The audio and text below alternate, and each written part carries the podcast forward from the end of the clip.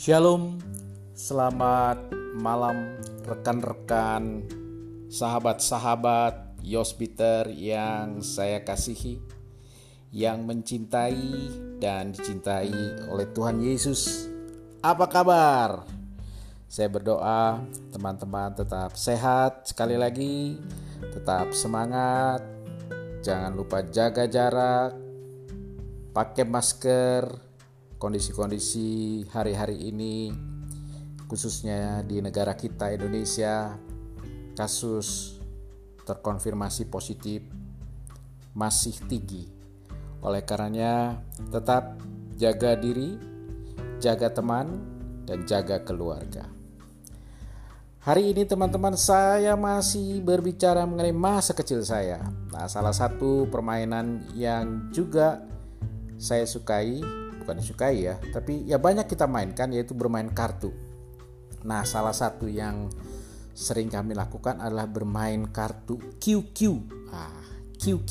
Ah, 99 katanya. Jadi bisa berempat bahkan berlima kita bermain kartu dan masing-masing di kartu masing-masing teman mendapatkan empat kartu dan untuk raja itu tidak digunakan ya raja tidak digunakan jadi hanya angka-angka saja, 1 sampai dengan 10. Nah, dalam permainan kartu nilai tertinggi adalah 9. Jadi kalau 4 kartu misalnya angka 4, 5, 6 dan 3 berarti kalau dijumlahkan 99 maka ini adalah nilai sempurna.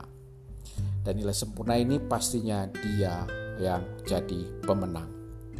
Nah, teman-teman, saya mau berbicara mengenai nilai sebenarnya. Waktu kecil, mungkin kita punya persepsi yang berbeda-beda tentang nilai.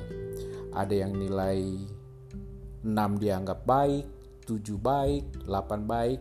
Tapi kalau di sekolah maksimal nilai sempurna 10. Bahkan saya nggak tahu teman-teman mungkin ada yang memecut anaknya pokoknya harus nilai 10. Nah teman-teman nilai ini menjadi acuan untuk melihat prestasi-prestasi kita, khususnya prestasi akademik. Tapi apakah nilai-nilai ini mempengaruhi keberhasilan dan kesuksesan seseorang? Bisa ya, bisa tidak. Tapi coba kita lihat apakah teman-teman pernah menyaksikan atau mendengar rekan-rekannya waktu sekolah kayaknya nilainya dia 5, 6, 5, 6 tapi sekarang dia menjadi orang yang sukses. Tapi ada juga mungkin teman-teman punya rekan-rekan yang waktu kecil sekolah nilainya 9, 10, 9, 10 tapi akhirnya sampai dengan hari ini ya biasa-biasa saja. Tapi bukan itu yang saya mau bahas tentang angka-angka tadi. Tadi saya sudah bilang bahwa angka-angka bisa menentukan keberhasilan seseorang, bisa juga tidak. Tapi yang saya mau sampaikan hari ini bagaimana dengan nilai-nilai kehidupan kita, nilai-nilai nilai-nilai Kristiani yang harus kita miliki di dalam kehidupan kita hari lepas hari. Apa ya? Kira-kira yang Tuhan lihat dari diri kita, nilai-nilai apa yang Tuhan akan lihat dari kehidupan kita masing-masing. Apakah kekayaan menjadikan nilai yang tertinggi buat Tuhan? Apakah kesuksesan menjadi nilai tertinggi buat Tuhan? Apakah saudara punya mobil banyak, rumah banyak menjadi nilai yang tertinggi buat Tuhan? Ataukah ketaatan menjadi nilai tertinggi buat Tuhan? Saya melihat dan saya meyakini ketaatan adalah nilai tertinggi yang Tuhan mau kita lakukan.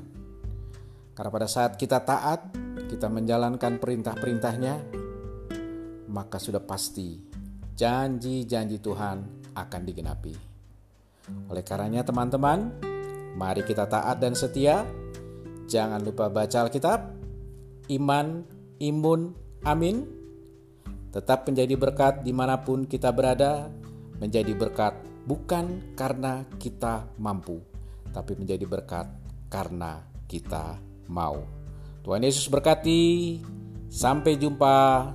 Shalom.